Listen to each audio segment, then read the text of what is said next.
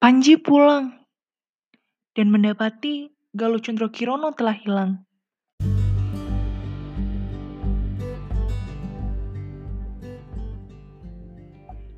Halo, selamat datang di kisah sebelum tidur bersama Virena Kusuma.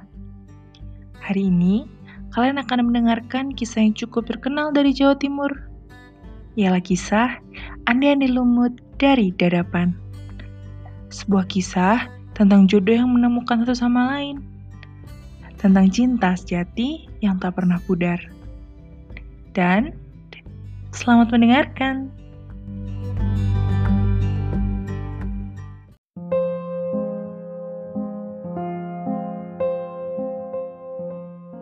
Raja Erlangga menghela nafas panjang. Putri pertamanya tak menginginkan tahta. Sang Rama Wijaya Tunggadewi menolak.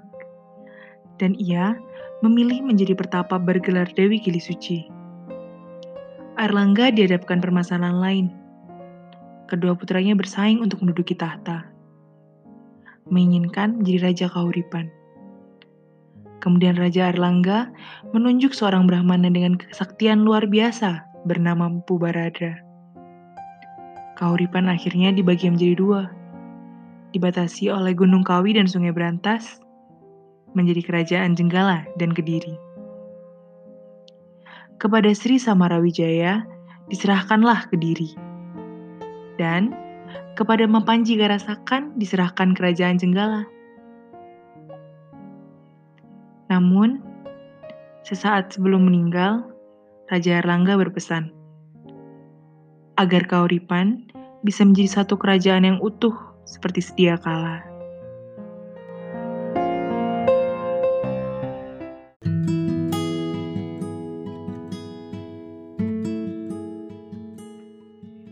Di kerajaan Jenggala, tumbuhlah seorang putra mahkota yang tampan, mapan, dan menjadi idaman. Ia pandai bertarung, namun tutur katanya lemah lembut ia pemimpin yang ulung, namun tetap bersahaja. Ialah Panji Asmoro Bangun. Dikenal juga sebagai Indu Kertapati ataupun Kusuma Yuda. Sedangkan di kerajaan Kediri, seorang putri yang cantik jelita telah lahir. Ia diberi nama Galuh Condro Kirono. Kadangkala, ia juga dipanggil sebagai Dewi Sekartaji kecantikan Galuh Chandra Kirono tersohor ke seluruh negeri. Mengingat pesan Raja Erlangga, kedua kerajaan sepakat. Mereka akan menggabungkan kedua kerajaan menjadi satu kembali. Tentu saja melalui pernikahan. Pernikahan antara Panji Asmoro Bangun dan Galuh Condro Kirono.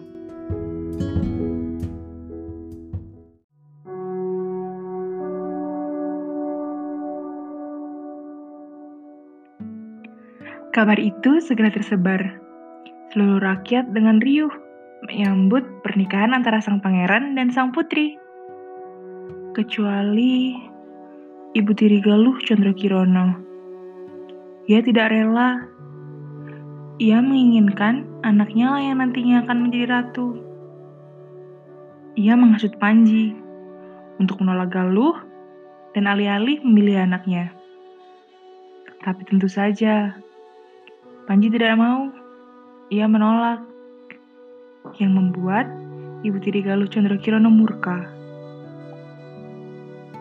Dengan liciknya, yang merencanakan pemberontakan di Jenggala.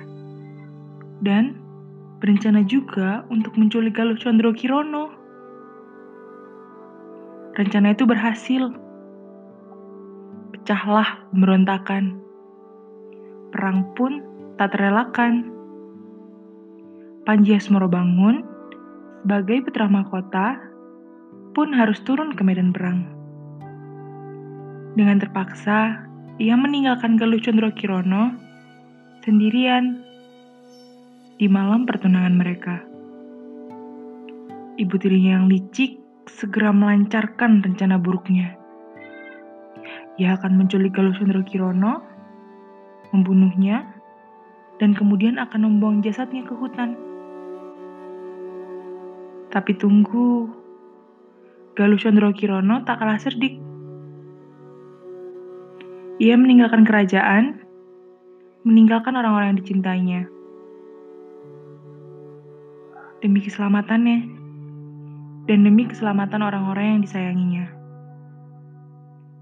Ia tetap berharap bahwa suatu saat nanti, ia dan Panji dapat bertemu kembali.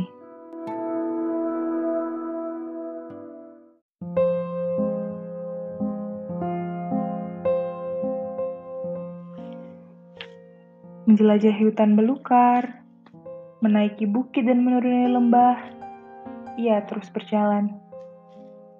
Galuh Condro Kirono merasa asing. Ia berjalan tanpa arah tujuan. Pakaiannya pun telah terkoyak ranting pepohonan. Ia kelaparan dan kehausan. Galuh Condro Kirono semakin putus asa. Sampai suatu ketika, ia melihat rumah yang ditinggali oleh seorang janda dan ketiga putrinya. Galuh Condro Kirono mengiba, meminta seteguk air dan sesuap nasi untuknya. Nyai Intan, pemilik rumah itu, merasa kasihan. Ia memutuskan untuk mempekerjakan Galuh Condro Kirono di rumahnya. Ia pun menamainya Klenting Kuning. Ia menganggap Klenting Kuning seperti anak bungsunya sendiri. Ia tidak tahu siapa sebenarnya gadis yang baru saja diangkat anak olehnya.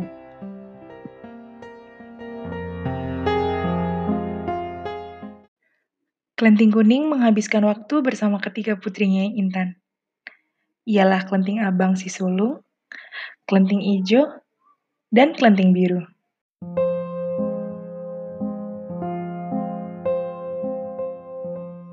Sedangkan di Jenggala, hari demi hari, Minggu demi minggu, pemberontakan berhasil ditumpas. Panji pun pulang, mendapati Galuh Condro Kirono yang telah menghilang. Panji Asmoro bangun, kehilangan kekasihnya.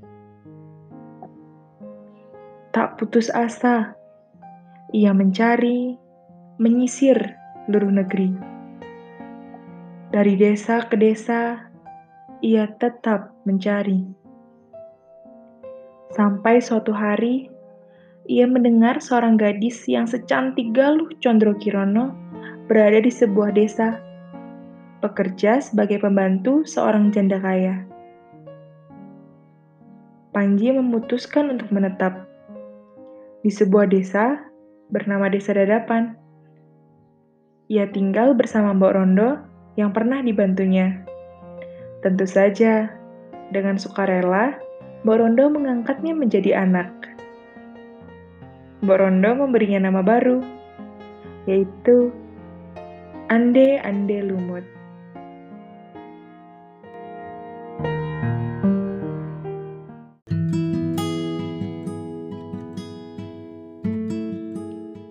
Ande-ande lumut yang kini tinggal bersama Mbok Rondo Dadapan kemudian meminta kepada ibu angkatnya agar Simbo mau mencarikan istri untuknya. Ia menginginkan agar semua gadis di hadapan dan desa sekitar turut datang. Nantinya, ia akan memilih satu orang yang akan menjadi istrinya. Tentu saja, jika Galuh Condro Kirono ada di antaranya. Mbok Rondo segera membuat woro-woro. Ia mengumumkan bahwa putranya yang tampan dan gagah sedang mencari istri. Kabar itu menyebar dari desa dadapan dan tentu saja terdengar hingga rumahnya yang Intan. Kelenting abang, ijo, dan biru bersemangat. Mereka telah mendengar ketampanan putra Mbok Rondo dan ingin sekali Andande Lumut memilih salah satu dari mereka untuk dijadikan istri. Memang, di desa itu, ketiga putrinya Intan ialah yang tercantik. Mereka tidak sabar untuk segera bertemu Andande Lumut.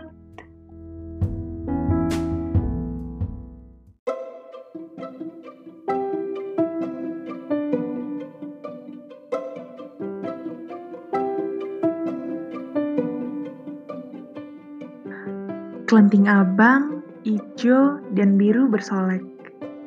Mereka kemudian berangkat menuju desa dadapan. Mereka melewati hutan, melalui desa ke desa, sampai akhirnya perjalanan mereka harus terhenti. Sungai yang besar dan cukup deras menghadang. Bahkan, mereka kesulitan melihat daratan di seberang sungai. Tiada rakit, tiada jembatan. Ketiga kelenting kebingungan. Lagi pula, air sedang pasang. Apa mereka pulang saja? Tiba-tiba muncul seekor yuyu yang besarnya melebihi seekor kerbau dari dalam air ketiga kelenting hendak melarikan diri. Yuyu itu sangat menakutkan. Namun, dicegah oleh si Yuyu.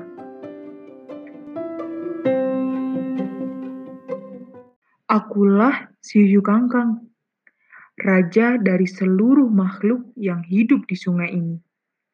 Aku akan menyeberangkanmu ke sana. Sebagai balasan, bukan uang, emas, atau batu permata. Yang aku minta hanyalah sekecup ciuman untuk kalian. Begitu kata Yuyu Kangkang. Meskipun enggan dan jijik, ketiga kelenting menyetujui permintaan Yuyu Kangkang. Toh, ia hanya meminta satu kecupan. Bukan hal yang sulit. Si Yuyu Kangkang membawa ketiga kelenting seorang demi seorang di atas punggungnya ke tepi seberang sana, seraya bernyanyi. Sun sabrangke, wong ayu sing liwat kene, biuk ribuk sengok, yang artinya, ku bawa setiap gadis cantik yang lewat sini ke tepi seberang, bruk kerubyuk sengok.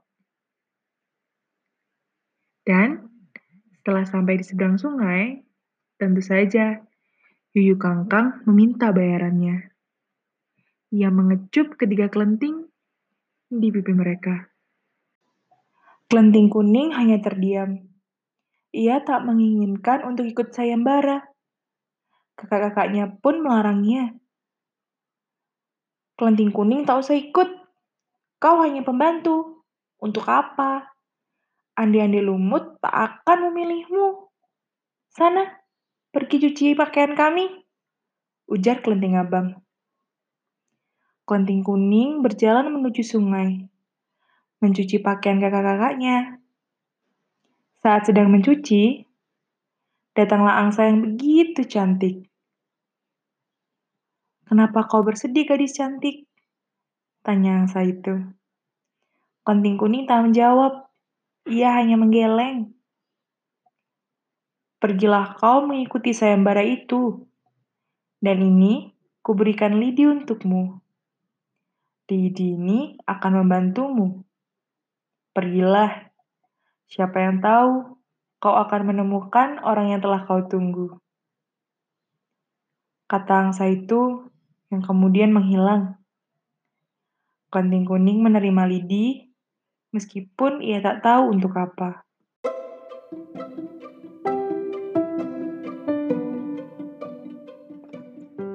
Kelenting kuning pun menyusuri jalan yang sama yang telah dilewati kakak-kakaknya. Sampai ia pun bertemu si Yuyu Kangkang.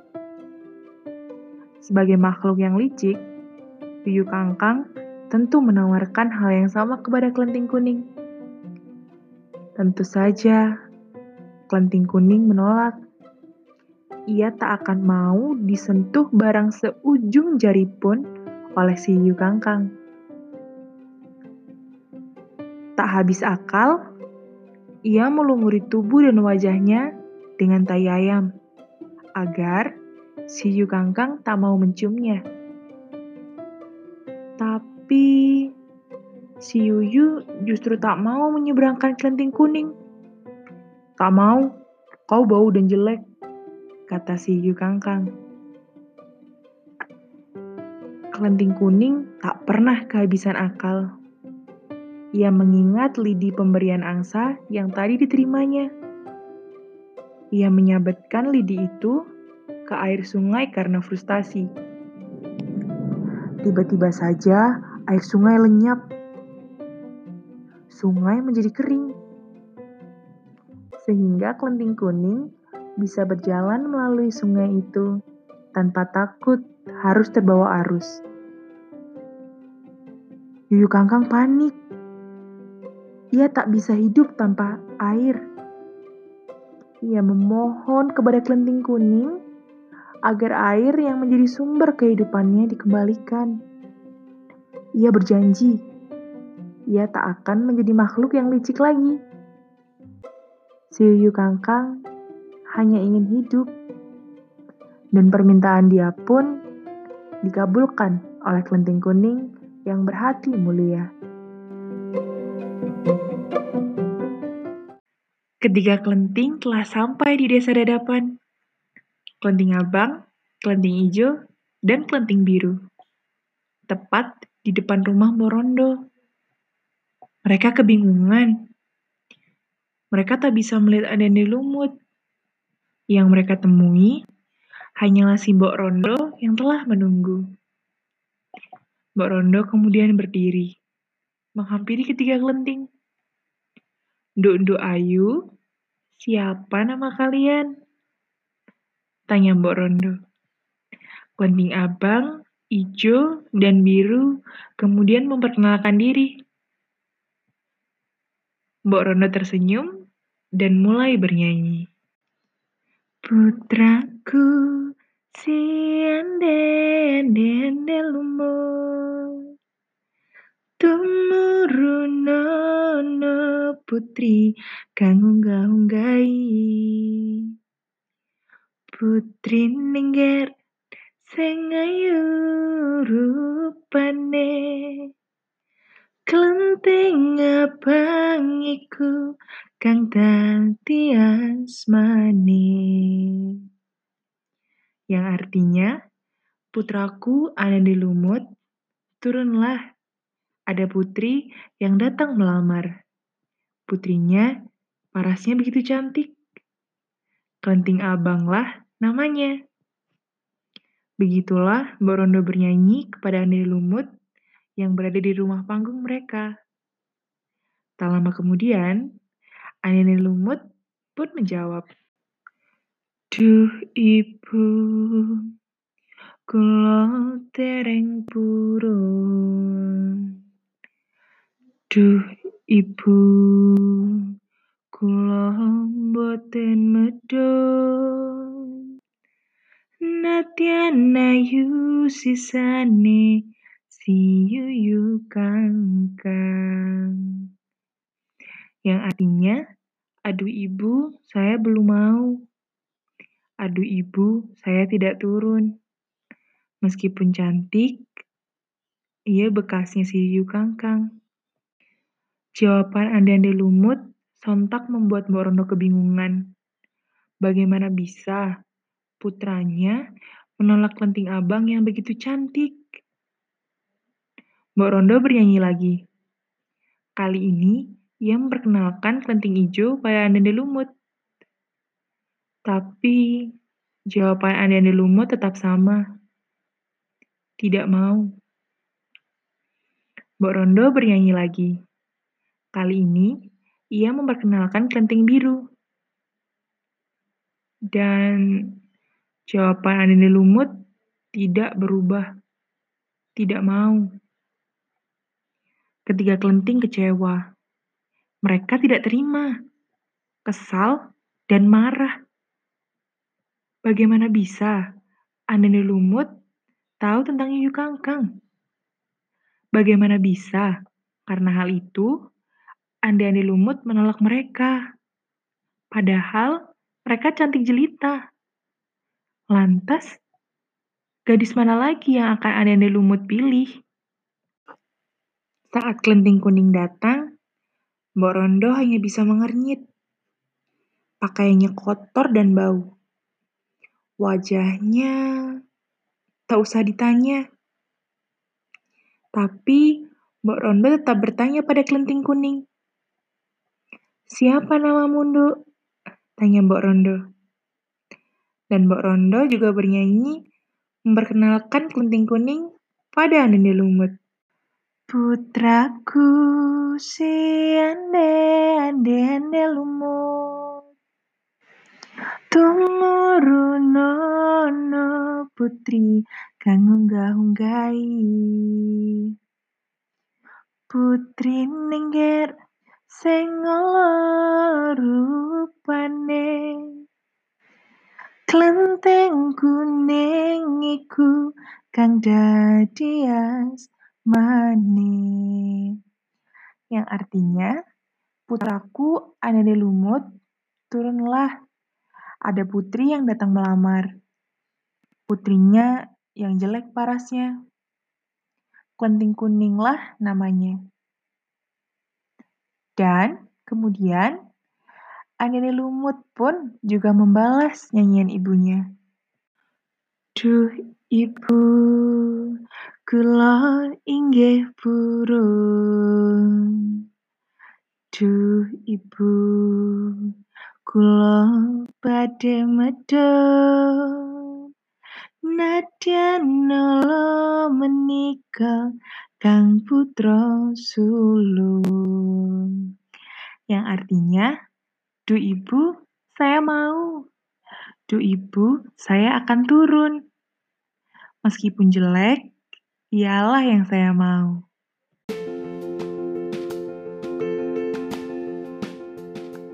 Jawaban Andene Lumut tak hanya mengagetkan Mbok Rondo.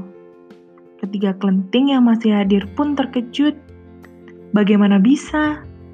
Mana mungkin? Ananda Lumut turun menghampiri kelenting kuning. Tersenyum pada Mbok Rondo yang selama ini telah mengasuhnya. Dengan langkah pasti, ia berjalan menuju kelenting kuning. Senyumnya merekah. Ia mengenali gadis di depannya. Tak peduli pakaiannya yang kotor, tak peduli wajahnya yang dilumuri entah apa, ia mengenali kelenting kuning sebagai kekasihnya yang telah lama dicari. Gadis di depannya ini ialah Galuh Condro Kirono, kekasihnya.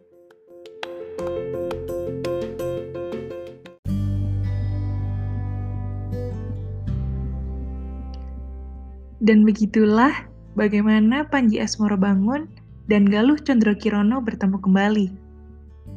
Kisah cinta Panji Asmorobangun dan Galuh Condro Kirono telah diadaptasi dalam berbagai cerita rakyat, mulai dari Ananda Lumut hingga Panji Semirang, yang intinya satu, cinta sejati Panji Asmorobangun dan Galuh Condro Kirono. Banyak sekali versi yang ada. Kisah-kisah cinta mereka masuk dalam kumpulan kisah yang disebut dengan kisah Panji Bahkan, sosok Panji Asmoro Bangun terkenal hingga Thailand dan Kamboja dengan nama Inu Kertapati. Bahkan di Jawa saja, versi Andende Lumut tak hanya satu. Kisah yang baru saja kalian dengarkan merupakan kisah yang disampaikan oleh nenek saya kepada saya saat kecil. Kisah tanah Jawa yang penuh dengan unsur magis tentang angsa yang memberi kelenting kuning Didi Sakti, tentang makhluk penjaga sungai si Yuyu Kangkang, dan bagaimana Anene Lumut dengan kesaktiannya bisa tahu tentang ciuman Yuyu Kangkang. Pesan yang paling jelas dari kisah ini adalah bagaimana kita jangan menilai seseorang dari tampilan luarnya saja. Bagaimana kita tak boleh judgmental pada apa yang kasat mata. There is always so much inside. Oh iya, Kerajaan Kediri tentu saja dipercayai berada di kota Kediri saat ini. Sedangkan Kerajaan Jenggala diperkirakan berada di Sidoarjo. Lalu desa tempat kelenting kuning menetap menurut rumor berada di area Ludoyo Blitar. Desa Dadapan berada di Desa Dadapan Kediri. Bahkan konon, kalian bisa menemukan makam Mbok Rondo di sana. Oh iya, satu lagi Sungai besar rumah si Jukangkang juga diperkirakan adalah sungai berantas. That's it. Begitulah kisah Anini Lumut dari dadapan. Selamat tidur. Mimpi yang indah.